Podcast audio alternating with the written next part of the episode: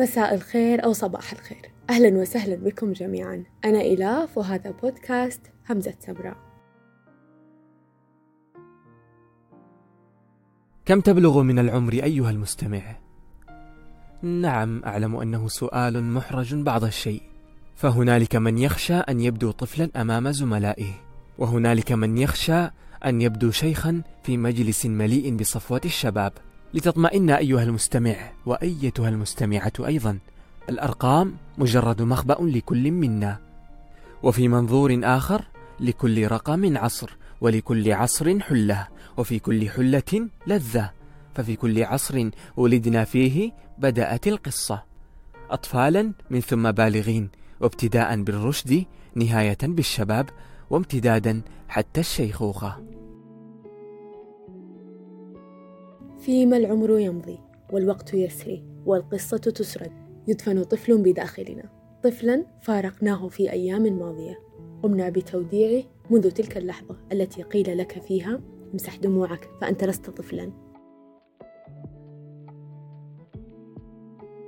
ففي مجتمع الرجال بمرحلة ما عليك أن تبدو أكثر قسوة وأكثر قوة. أقل اهتزازا أحد لسانا.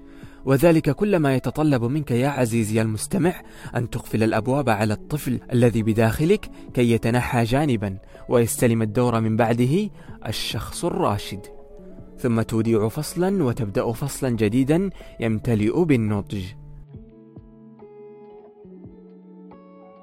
أما في عالم الإناث ففي مرحلة ما عليك أن تبدي مليئة بالأنوثة طاغية الجمال سليطة اللسان. صاحبة قرار. ولذلك عزيزتي المستمعة يتطلب منك توديع تلك الطفلة وإغلاق الباب فتستلم الأنثى الراشدة الراقية الدور. تبدأ فصلا جديدا يعج بالمسؤوليات. ويكبح ذلك الطفل شيئا فشيئا. تارة يقاوم البكاء وتارة يتكبد عناء مسؤولية الحفاظ على سلامة الآخرين. وتارة عندما عاهد نفسه أنه سيعمل جاهدا كي يحصل على علامة كاملة في امتحانه القادم. كرة ثم كره حتى يحبس ذلك الطفل في السرداب وتصبح شخصا راشدا في أعين المجتمع. راشدا للحد الذي يدعك تتيقن أن ذلك الطفل قد هدأ بالداخل. بينما يكبح طفل الرجل تكبح أيضا تلك الطفلة فتقاوم اللعب وتستبدله بالتزيين مرة ثم تقاوم تلك السكاكر مرة أخرى تضحية لرشاقة جسدها وثم تستبدل اللون الزهري للأسود حتى تبدو صارمة وأنضج. كل تلك الأفعال تثبت لها أن تلك الطفلة في الداخل قد هدأت.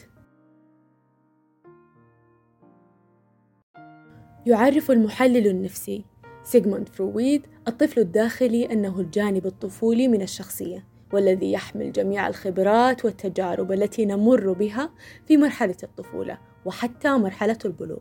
متأثرا بعملية الكبت التي نحاول من خلالها الانتقال من النظرة الطفولية للعالم إلى نظرة البالغين وإقناع الأهل والمحيط أيضا أننا غادرنا الطفولة ومن خلال كبت الرغبات والسمات الطفولية. قال لي والدي ذات مرة نحن البشر كمثل حلقات البصل كلما نضجنا ازددنا حلقة فمرحلة الطفولة تغطيها المراهقة والمراهقة يغطيها الرشد. نحن خليط من جميع المراحل لذلك إن كنت مستمعا جيدا لا داعي لكبت الدموع فالطفل باقي عل الأبواب تفتح والطفل يمرح. انهض وافتح ذلك الباب. وأشبع ذلك الطفل بقليلا من المرح. لا بأس فكل منا يملك على الأقل روح تملأها بهجة طفل مرح. فقليلا من اللهو يصنع كثيرا من النفس السليمة. قليلا من روح طفل سعيد يوازي كثيرا من قلب راشد رحيم. قلة لك اليوم وكثيرا من الإشباع لنفسك غدا. أيضا من وجهة نظر تخصني أعتقد أن كبت الطفل داخلنا يمنعنا من منح أطفالنا غدا طفولتهم. نشعر اليوم بأننا عاقلين واعين وننتظر من أطفالنا نفس الوعي. لذلك عند أي نقطة تتراجع فيها الأنثى وتبدأ بالبكاء بنقول لها أنت كبيرة البكا للصغار اكبري.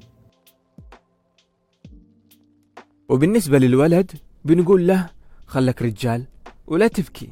ومع أول دخولنا للتسوق نصرف نظرهم عن كل حلوى أو لعبة تصنع من يومهم جانب لطيف بحجة أن الطفل أصبح ناضج أو كبير بينما هو أصلا صغير.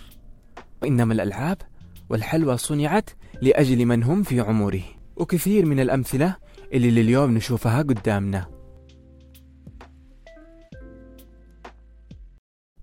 أخشى أن أستيقظ يوما أشعر كأنما صخورا أصبحت تملأني.